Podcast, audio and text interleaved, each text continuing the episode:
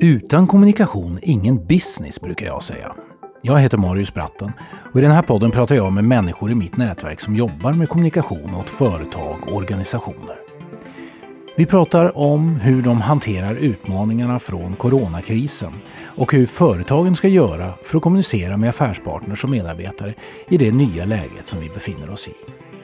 Min gäst i det här avsnittet heter Claes Johan Larsson och att beskriva honom med en enkel titel låter sig inte göras.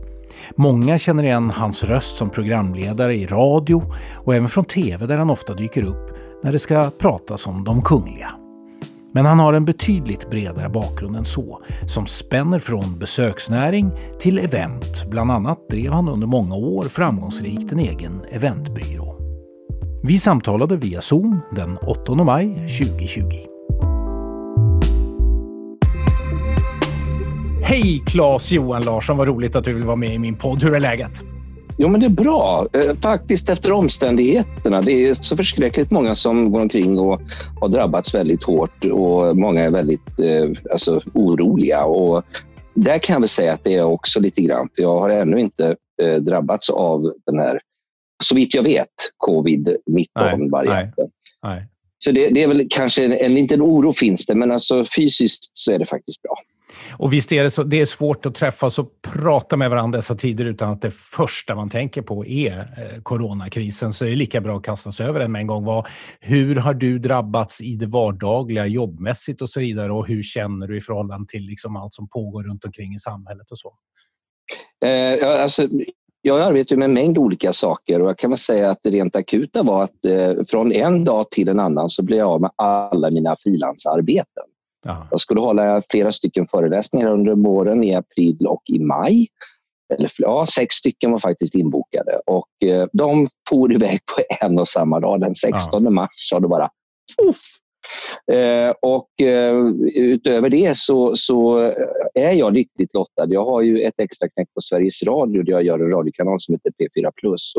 vi sänder ju fortfarande eh, och arbetar med inspelningen av de där programmen.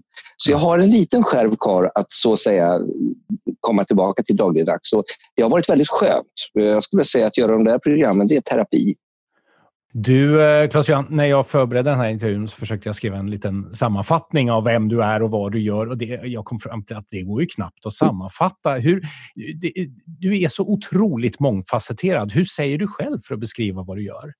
Ja, jag har försökt många gånger för folk frågar, men det, har ju, det blir ju så här när man har ett ganska brett intresse för saker att man, eh, om man nu som jag upptäcker nya saker hela tiden och alltid har en nyfikenhet i botten att man gärna provar nytt. Ja. och, eh, jag har ju då funderat på om det inte är så att jag ska kalla mig för producent.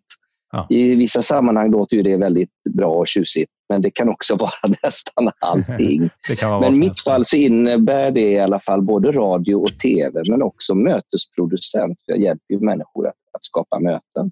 Mm. Eh, både fysiska möten men också få människor att förstå att, uh, intellektuellt mm. och verbalt, vad gör jag i ett möte? Jag mm. håller en hel del föreläsningar och så coachar jag också. Så att här finns mycket. Och så har jag gått in i ett nytt projekt, det kan jag berätta om senare, där jag verkligen idag vill stötta människor som har utmaningar framför sig. För vi är väldigt många frilansare som står och inte riktigt vet vad ska jag ta vägen nu.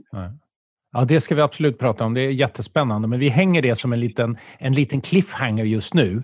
Ja, eh, absolut. För, att, för, att, för innan vi kommer dit så måste jag nästan liksom få en liten bakgrund till dig. Jag vet att, jag tror mm. att första gången jag stötte på dig så var du, eh, så var du väl Hallå på TV, va?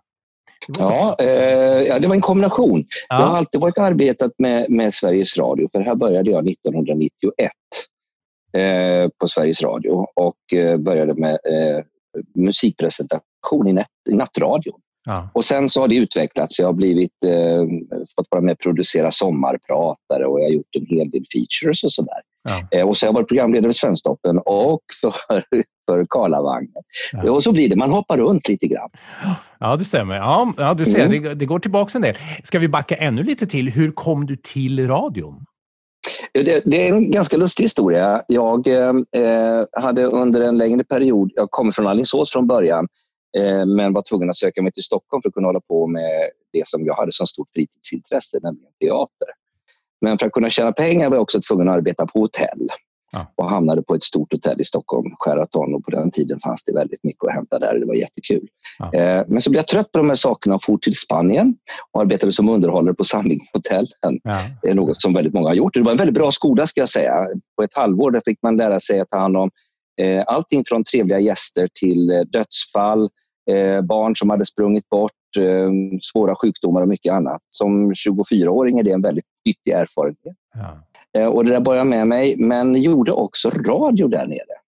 Och en dag när jag står i radion och berättar en rolig historia, eh, för jag hade med mig barn i studion och en av ungarna där berättade en historia som kanske ja, man kan skratta åt bakom lyckta dörrar, men det var inte så roligt att den gick ut i poolområdet. Eh, så jag att nu känner jag mig lite grann som Ulf Elving och plötsligt står Ulf Elving bakom mig. Så liten kan världen vara och säger då att eh, många av de historierna som hade berättats om Uffe, ja, de var inte sanna utan det finns egentligen bara en som är helt riktig. Men är du intresserad av radio, sa han till mig, så tycker jag du ska komma in på Radiohuset när du kommer till Stockholm och titta på, på hur vi arbetar. För jag arbetar med ett program som heter Efter tre. Det gjorde han ju på den tiden. Han var ju först med infotainment. Ja. Eh, Och jag tänkte, ja det kan han väl säga, men eh, jag hörde av mig när jag kom hem och han drog in mig i Radiohuset och eh, plötsligt så satt jag och gjorde ett vad man kallar för röstprov. Ja. Det fick man göra på den tiden för man skulle höra att man talade ordentligt, inte hade för bred dialekt, kunde tyska, spanska, engelska och svenska. Mm. Eh, och så skulle man kunna göra en massa saker. Och det där gamla hallåprovet fick jag göra och kom igenom. Och så fick jag då ett extra knäck på nattradion. Så att jag Och tackar bland annat Ulf? Elving för det. Detta är 1991. Ja.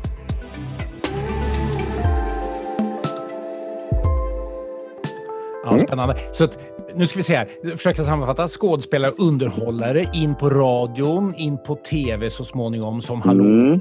och Mm. även programledarjobb på tv. Hur är det med det? Har du gjort några sådana vändor också?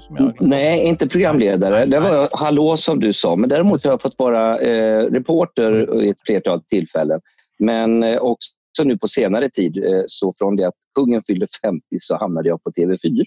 Ja, för det var det jag skulle komma in på. Någonstans i det här så har, du, har, det, har det väckts ett kunglighetsintresse som gör att du är en av Sveriges mest anlitade profiler när det gäller att uttala sig om de kungliga också. Varifrån kommer det? Jo, nej, och den här, och det är så jättebra att du ställer frågan så för att det är ju lätt att man snackar om det kungliga och folk säger att man är hovreporter och allt vad det är. Jag är duktig på ceremoniell och Ja. är väldigt intresserad av svensk kulturhistoria som är inriktad på just ceremoniell. Varför står vi och går som vi gör? Varför sitter vi vid matbordet som vi gör? Varifrån kommer traditionen att använda sig av servetter på ett visst sätt och så vidare Just det. ganska tidigt här i Stockholm så träffade jag ett gäng som ägnar sig väldigt mycket åt detta och det gänget leddes av en man som hette Åke Livstedt. Salig åminnelse. Ja. Och Åke var en av dem som vid den tiden var med och utvecklade tillsammans med Stig Rammel som då var chef för Nobelstiftelsen eh, den nya Nobelfesten skulle man kunna säga. Mm. Man tyckte att Nobelfesten var för lång, den var för gammalmodig och man ville korta ner den. Och Åke var en av dem som då fick i uppdrag att utveckla detta till 90-årsjubileet som skulle hållas uppe i Globen. Och I samband med det så gjorde jag en intervju med honom för Sveriges Radio. Och eh, Det visade sig att jag kunde en del som jag inte förstod att jag kunde. Och Det bygger på att jag ända från det att jag var väldigt liten haft ett stort intresse för svensk historia och Ja. vad man gör. Just det. Men du, om, vi skulle, om vi skulle komma tillbaks till, jag börjar ana nu vart vi är på väg så att säga. Är det liksom den här äh, intresset för det ceremoniella och så som sen ledde det in på event i eventvärlden? För där har ju du haft en eh, rätt solid fot i, i många år nu också. Ja. Eh, nej, ja, men där har du det här igen att man, ja, väl, det, det kom väl också med att jag hamnade i Spanien och arbetade i två år eh, för ett större svenskt eh, bolag och var underhållare på Sandvinghotellen och fick vara med och öppna ett hotell Mm. på Mallorca. Mm. Ehm, och sen likadant mina år på Sheraton i Stockholm eh, där jag gick igenom hela matsidan, food and beverage. Mm. Eh, på tvären kan man säga att jag gjorde det. Så upptäckte jag att det, det finns olika sätt att ge service på. Ja. Det finns, det ska jag berätta för dig nu utan att eh, de andra egentligen behöver höra det. Eh, så finns det en, en dokumentär som ett gäng gjorde på Sveriges Television på 80-talet, Ja. där jag dök upp. Är det Eh, på Sheraton? Ja, på Den har Sheraton. jag sett. Har du sett den? Jag kommer ihåg en, den. Ja, sitter en osnuten kille Ja. i väst, vit Ja. skjorta och fluga Ja. och röker på slutet. För det kunde man det kommer jag i- inte ihåg. Nej. Nej. Men i slutet där och berättar om vad service är. Ja. Och när jag såg att den här hade kommit ut så tog jag mig för huvudet och tänkte, men herregud. Alltså, det var inte du? Alltså, det är jag. Jo, det var du. Det är ja. jag. Det är Ja, jag jag som vet. sitter Mm. där. Och jag tänker, hur ska folk ta emot detta? Och jag vet ju bara att jag Mm. sa en massa saker och var Mm. ganska, Mm. Eh, alltså du vet, lite kavat sådär. Mm.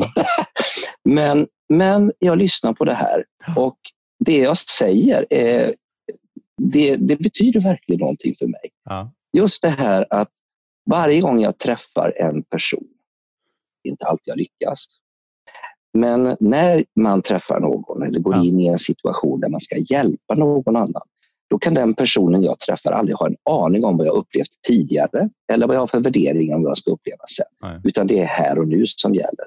Och Det har blivit mycket tydligare efter att jag började arbeta på Sveriges Radio. Jag brukar säga att man alltid är i direktsändning. Ja. Jag kan aldrig tala om för en människa i en servicesituation att du, jag var på perfekt humör igår, kom igen då istället. Mm. Utan jag måste ta seden dit jag kommer och jag måste också fixa det här, här och nu. Stunden. Ja, och det måste jag tycka är en rolig utmaning. Ja. Annars så ska jag inte göra det. Jag ska ta ett litet stickspår om den där dokumentären bara innan vi går vidare. Ja, Därför att gör det. dels anledningen till att jag kommer ihåg den och anledningen till att jag faktiskt fortfarande nämner den i olika sammanhang var att den fångade på så ett otroligt bra sätt. Det här är mitt minne av den. Det var väldigt många år sedan jag såg den. Men eh, på något sätt så man Mm. gjorde ju eh, man gjorde nedslag i hela hotellet. Ju, visst var det så? Och pratade med Mm. alla möjliga olika sorters eh, personalkategorier på hotellet. Och Det som var gemensamt var att oavsett vem du pratade med så tyckte de att just deras roll på hotellet var den viktigaste. Och Det spelar ingen roll om det var Visst, diskklockan ja. eller städaren eller vad det var. För just det de gjorde, för om inte det de gjorde blev bra, då skulle gästerna aldrig komma tillbaks. Och det Ja. för mig sammanfattar så ska en bra arbetsplats vara. Att alla Ja. tror att just det just jag gör är viktigast av allt. Du, alltså, det är så roligt att du nämner det för att exakt den, eh, den inställningen eh, det var den som eh, producenten, Ylva heter hon väl, som plockade upp efter att hon hade filmat i nästan ett halvår. Ja. Märkte att vänta lite grann, det här är en genomgående trend. Ja. Så det här måste vi ha med rakt igenom.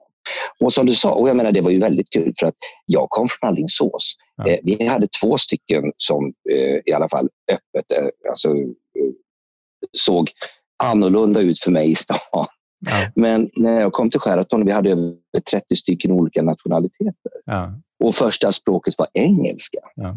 Alltså det där var ju en helt ny värld för mig. Och så arbetade jag på room service också. Och att då få, som jag gjorde på ett halvår, träffa Mark Knopfler som gav mig min första CD-skiva. Eh. Whitney Houston och eh, Jermaine Jackson, Nick Hacknell. Prince bodde på hotellet och repade, bodde där två år i rad, två veckor varje sommar. Ja, Alltså vi hade massa, och Kiss var där under deras osminkade tid. ja, Eh, det, var, det var väldigt kul. Det var en upplevelse. Och sen var ju också eh, en, en spännande upplevelse var när Olof Palme hade blivit mördad och Ja. sen begravningen var, så Ja. var Sheraton det stora internationella pressen. ja. Och det var då jag kände att vänta lite grann, jag skulle väl arbeta som journalist. Ja. Ja, men eh, var det det som var frågan? Nej, kom- Nej, vi var på väg mig. Nej, det är ingen fara. Det är roligt. Eh, Men vi var på väg in mot eventsvängen egentligen. Vi kom inte Ja. riktigt fram. Hur kom vi in på event? Nej. Hur kom du in på Jo. event? Men i samband med det här så eh, ville jag ta ett break. Och eh, Jag undrade vad jag skulle göra. Jag tänkte jag vill bort ifrån allting. Och hamnade ur askan i elden. Jag lämnade mina lektioner eh, för teatern och jag lämnade Sheraton. För jag tänkte att jag måste göra något som inte har med det här att göra. Och blev då underhållare på ett hotell i, på Gran Canaria. Eh, och det var ju också märkligt. Och där fick jag då mer känsla för vad är egentligen service? För att på Ja. den här tiden så var Bing, som vi arbetade för, en del av SAS-koncernen. Och högsta mode var Jan Carlssons bok Riv pyramiderna, Såklart. platta till organisation. Ja. Och vad de gjorde där, som jag önskar att alla egentligen gör med sina anställda än idag, för det här är ju alltså nu snart, ja det är snart, vad blir det nu, 1989 åkte jag iväg, det är alltså 30 år sedan. Mm. Då tog de in oss och satte oss i skolbänken och sa, eh, de tog in sin reklambyrå och så hade vi en vecka där vi fick sätta oss och lära oss varför eh, har vi uniform? Varför ser den ut som den gör? Eh, varför arbetar vi med ett maner? Hur tar man fram det? Mm. Varför ska ni då eh, personifiera de här sakerna? Mm. Vad har vi? Och bland annat en sak som de sa att ni säljer inte resor, ni säljer upplevelser. Just. Och Det där var mycket signifikant för oss. Hur kommer vi in på eventsvängen då? När blev det där liksom regelrätta eventjobb? Och det blev ju till sist ja. ett eget företag inom event. Ja. Hur gick det till? Jo, eh, ja, men då var det så att, ja, tack snälla för att du inte ger dig förresten. jo, eh, jag eh, blev engagerad. När jag kom hem så blev jag engagerad utav min tidigare arbetsgivare Wing. Att åka ut till alla deras utbildningar och hålla föreläsningar om vad är service. Alltså knyta ihop deras servicesäck och tala om för människor att när ni kommer hem så har ni god användning för en mängd olika saker. Hur möter jag människor i en dialog? Eh, jag lärde dem olika verktyg. Det finns något som heter transaktionsanalys, pacing, strokes och allt som vi arbetar med inom servicenäringen. Och då eh, träffade jag en kille där nere som säger till mig att Hör du, eh, jag skulle vilja arbeta med dig. Ja, men du vet att jag har ett så jäkla roligt arbete nu. Jag arbetar på Sveriges Radio, det kan inte jag släppa. Ja, men kan vi inte höras? Jo då. Så gick det väl en sex sju år och så frågade han mig om inte jag bara kunde hjälpa honom med en grej. Och då drog vi igång, eh, och i samband med att jag slutade på Sveriges Radio, min fasta anställning på Sveriges Radio, så drog vi igång ett företag eh, där vi då ville göra eh, upplevelser, resor med människor, både själsliga men också fysiska, inom Sverige, utomlands och sen också hjälpa till med möten och få människor att förstå hur ett möte inte bara kanske är en konferens utan det också är någonting som sker före den här konferensen och hur man bär, sig med, bär med sig upplevelser efter konferensen. Mm. Men var det detta som blev till initiativ sen? Ja, där har du vårt företag. Initiativ hette det. Mm. Och, eh, det blev ganska stora sen. Ja, vi var som mest var väl en 26 stycken anställda. Det finns mm. bra mycket större bolag än det där. Men mm. jag tror att egentligen medianen för de här olika bolagen i Stockholm, där finns Eventyr där finns PS Occasion. Minnesota hette ett gäng och så vidare som då har pendlat i olika storlekar. Mm. Eh, vi hade alla den här eh, möjligheten att, mm. att liksom hjälpa folk. Mm. Men du, man hör ju en sak när vi nu pratar om allt du har gjort och allt du gör och allt du verkligen brinner för. Och det är att det handlar ju hela tiden om möten med människor. Och i dessa ja. tider när vi ju, alltså det är ju närmast tabu att möta människor nu känns det som ibland. Det är ju, det är ju hemskt, men så, det är ju nästan så. Eh, eh, hur, hur upplever du det? Jag tycker ju personligen att det är jättejobbigt eftersom jag ett, lever ensam. Eh, jag har inte någon relation på det viset, mer än vilket jag är överlycklig för. Jag har fantastiska vänner. Alltså enastående vänner som alltid finns där och det är ett ganska stort umgänge. Men jag tycker om dem allihop ehm, och det kan jag verkligen säga med, med glädje. Men jag har ju märkt det att jag är i behov av att se människor. Mm. Alltså, mm. Eh, och då säger folk, ja men det går väl bra, vi ser varandra över skärmar. Nej, mm. det är inte samma sak. Jag upplever människor i en dynamisk miljö, i en verklighet och det är viktigt för mig det ger mig energi och eh, eh, jag blir glad av det. Och för mig är glädjen väldigt viktig. Jag har väl i grunden en personlighet som gör att har jag upplevt någonting som har gjort ont eller något som jag har upplevt mm. som en, en motgång i livet så har jag alltid haft inställningen att jag måste ta det där till mig och se hur kan jag göra det där till någonting bra? Eller hur kan det vara en mm. katalysator snarare för någonting som ska mm. bli bättre för mig längre mm. fram? Och den, hela den inställningen den ligger också i ja, mötets själva natur. Jag vill att man ska i alla möten, servicemötet eller intervjun om jag sitter med någon jag intervjuar eller ännu hellre om jag ska producera någon eh, för sommar till exempel, när vi har gjort det. Då arbetar jag med tre stycken N. Det är nyfikenhet, det är närvaro och det är nytänkande. Och nyfikenheten den står för just det, att våga ställa frågor. För jag kan inte vara tankeläsare. Jag måste förstå människor. Och ska jag förstå dem så måste jag ställa frågor. Och nästa steg är närhet, närvaron. Och där har jag svårast. Jaha, på vilket sätt då? Ja, men, jo, men det har blivit väldigt tydligt nu. Du vet när man har med sig mobiltelefonerna överallt. Folk ja. håller på med sina telefoner. Och då är ja. frågan, hur närvarande är, är ett sånt möte? Ja. ja. och du vet nyfikenheten driver mig in i den här förbannade telefonen hela tiden. Ja. Vem var det som ringde du? Var det något de ville? När jag egentligen sitter med en helt universum av livserfarenhet framför mig. Med en person eller kanske flera. Eh, så att, eh, men i alla fall, närvaron där är viktig. Om jag sitter med någon som upplevt ett trauma, vad gör jag för att visa honom eller henne att jag lyssnar och jag tittar på dem? Men jag kan också till exempel plocka fram papper och penna för att visa att jag antecknar det du säger. Mm. Jag tar dig på allvar. Mm. Och Då skapar du också en koppling som folk kanske inte alls tänker på annars. Mm. Och Det sista är då nytänkande. Och Det är där vi många gånger faller dit alla. Och Det är just när vi då tror, när vi kommer in i ett möte, att ah, den här upplevelsen har jag haft förut. Vi får en mm. déjà vu. Det kan vara att någon liknar någon eller vi har träffat den här personen tre gånger förut och det är ett praktarsel. Och så låter vi det färga hela mötet. Istället för att förstå att på bara några sekunder kan alla individers tillvaro förändras. Och jag tycker covid-situationen har väl verkligen visat oss för att på bara en vecka så slog ju hela världen om. Jag stod i Dubai och skulle arbeta med Expo 2020 och hade en hel vår framför mig fylld med arbete. Och ja. en vecka senare har jag ingenting kvar av det där. Nej, nej. Och då måste jag ju välja att antingen sätta mig ner och hoppas att någon kommer till mig och säger att nu ska vi göra det här. Och det kan ju hända. Men chansen, om jag själv tänker nytt utanför min egen bekvämlighetszon och tänker att vänta lite grann, jag måste ut och söka. Vad kan jag göra med min talang i det här läget? Hur träffar jag andra i samma situation? Hur går vi vidare? Ja, då är jag plötsligt på väg. Och där har du alla de tre ämnen. Då är jag ju nyfiken, jag är ju närvarande i min situation och jag tänker nytt.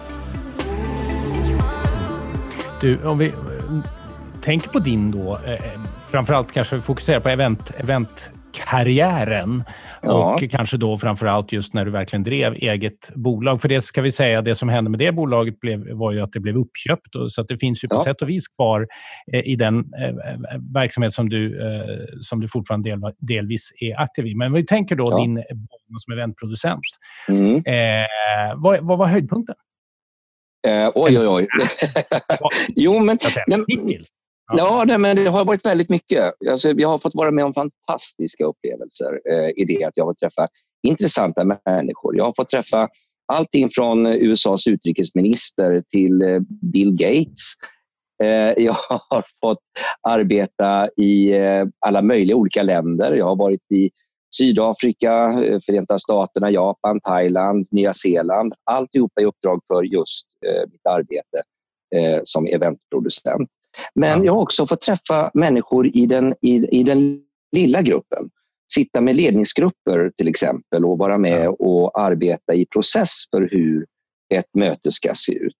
Och där har jag fått arbeta med regeringskansliet eh, och jag har fått arbeta med Svenskt Näringsliv bland annat. Mm. Det har också varit väldigt, väldigt spännande och otroligt stimulerande att få gå runt ibland alla de här miljöerna. Och igen, detta är väldigt signifikant för mig jättebra att inte sitta i samma rum dag ut och dag in. Utan jag har en ganska stor variation på det jag gör. Så att, eh, jag tänkte just säga det, man ja. hör ju att det är inte ett, eh, det är inte en upplevelse eller ett uppdrag som du lyfter fram, utan det är just kombinationen, eller hur? Mångfalden ja. av ja. olika sammanhang.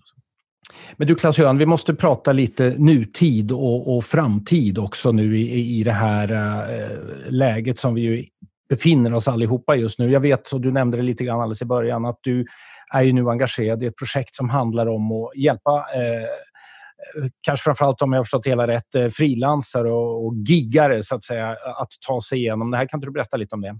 Jo, eh, när en sån här sak som covid-19 drabbar oss så plötsligt eh, dyker... Eh, ja, vi, plötsligt befinner vi oss i en helt ny kontext. Och Det som är intressant är att alla, verkligen alla står i en situation där man tänker, men vänta lite grann, vad var det som hände? Och vad händer sen? Och när jag fick ett samtal från en god vän till mig som heter eh, Kalle Palmlund som arbetade utomlands i många, många år, som bara hade varit i Sverige under en vecka för att rulla igång ett stort nytt hotellprojekt. Eh, och märkte att nej, det går inte. Vi måste tänka om. Ja. Då fick han och hans partner som heter Ulrik John som driver Royal Park, en anläggning som ligger i Frösundavik utanför Stockholm, eh, en idé. Vi startar en innovationshub. Alltså en samlingsplats där människor som är entreprenörer ifrån alla branscher kan samlas och få en chans att ja, både nätverka men också driva sina projekt framåt. Och där har vi då valt att gå in och söka då människor som då vill först och främst fram. Det här har ju mm. varit en resa. Vi bestämde oss på bara några dagar. Ja. Och så har vi börjat samla på oss människor som alla har samma intresse. Och vi är, fortfarande är vi i en väldigt stark utvecklingsfas. Men mm. idén, grundidén är den att vi hela tiden ska arbeta fram. Och Det mm. som jag tycker är snyggt med den här saken är att det handlar inte bara om att vi då ska driva det framåt utan att vi också tar input från massa andra. Så nu har vi också börjat arbeta med Mikael Ahlström eh, som har hjälpt oss med en hel del input som arbetar mycket med, med utbildning och möten. Och då har vi sagt att då ska den här hallen också ge möjligheter för människor att få utbilda sig både inom sitt eget gebit men också kanske testa någonting nytt. Mm. Och nu vänder vi oss ut till en mängd olika eh, på, på marknaden. Vi har pratat, vi, vi, hoppas kunna få kontakt med Visita, Svenskt Näringsliv, eh, Almega, eh, HRF och ja, vad de heter allihopa, de här mm. organisatörerna. Mm. Eh, HTF eh, och så vidare. För att se vad, vad, behöver de eller vad har de upplevt i det här där man kan vara med och stötta. Mm. Vi är inte den som har lösningen på allt, men vi är ett gäng som hoppas kunna vara en förebild för andra att ta efter och göra likadant. vi måste stötta varandra i en sån här situation. Och det kan vi, inte, det, vi hinner inte göra en utläggning om det här, men för mig är det jättenyttigt att ha hela min utbildning när det handlar om coaching, personlighetstyper och så vidare. För att ja. det finns jättemånga människor där ute som inte ser möjligheten. Utan duktiga entreprenörer som är så chockade av vad som har hänt att de bara ja. tänker jag måste rädda, rädda, rädda, rädda. Och då ser de inte möjligheterna för och, och så faller hela deras imperier alltså, totalt samman. Och det är det fruktansvärt. Ja. Jättekul att prata med dig. Aha, eh, vadå, är det över redan? alltså grejen är så här, vi skulle säkert kunna prata en timme till, men jag tänkte ja, att vi skulle försöka hålla ner podden till en halvtimme, så vi, vi får se om det ja, går. ja, grattis du. Ja. Om man nu har blivit nyfiken på dig och vill ha kontakt med dig och kanske, ja, man kanske har idéer, man kanske vill veta mer ja. om något projekt som du har jobbat med. Hur, eh, hur når man dig lättast? Du, då gör man så att man antingen ringer mig på 0708 782 555. Jag är inte rädd för att lämna ut mitt telefonnummer för det står i katalogen. Men mm. sen så har mm. vi också, jag har en, en e-postadress. Ja. Eh, och den är in the middle of Norway snabelaggmail.com. säger folk, vad då? Jo, alltså mitt i Norge, fast på engelska i ett enda ord. snabelaggmail.com. In the middle ja. of Norway. Ska skriva? vi berätta varför det heter så också? När vi, det måste du nästan säga nu. ja, det, är mitt, det, det, det är mitt nya företag, men jag satt med en god vän till mig vid ett tillfälle och skulle spåna på nya namn till ett företag. Och ja. Så var vi lite hopplösa. Så sa ja, här sitter vi in the middle of nowhere. Och Då säger ja. personen, vad då in the middle of Norway? Han hade uppenbarligen inte hört uttrycket förut. Och Då sa jag, bra, där har vi namnet. Och Det tog jag. Och det är sällan människor frågar mig två gånger vad jag har sagt. Så det ja, ja. Jag som trodde det hade någonting med Norge att göra, men det har det inte alls. Ja, men det skulle vara för, för det att det, det, skulle vara för att du har norskt påbrå. ja, eller det, det är därför ja. jag läser in det. Ja, det Jättekul. Hör du. Jag lägger upp den där mejladressen i, i, program, i kommentarsfältet också, så, så kan folk mejla till dig om de Jätteroligt, Claes-Johan. Tusen, mm. tusen tack. Tack snälla, Marius. Vi hörs.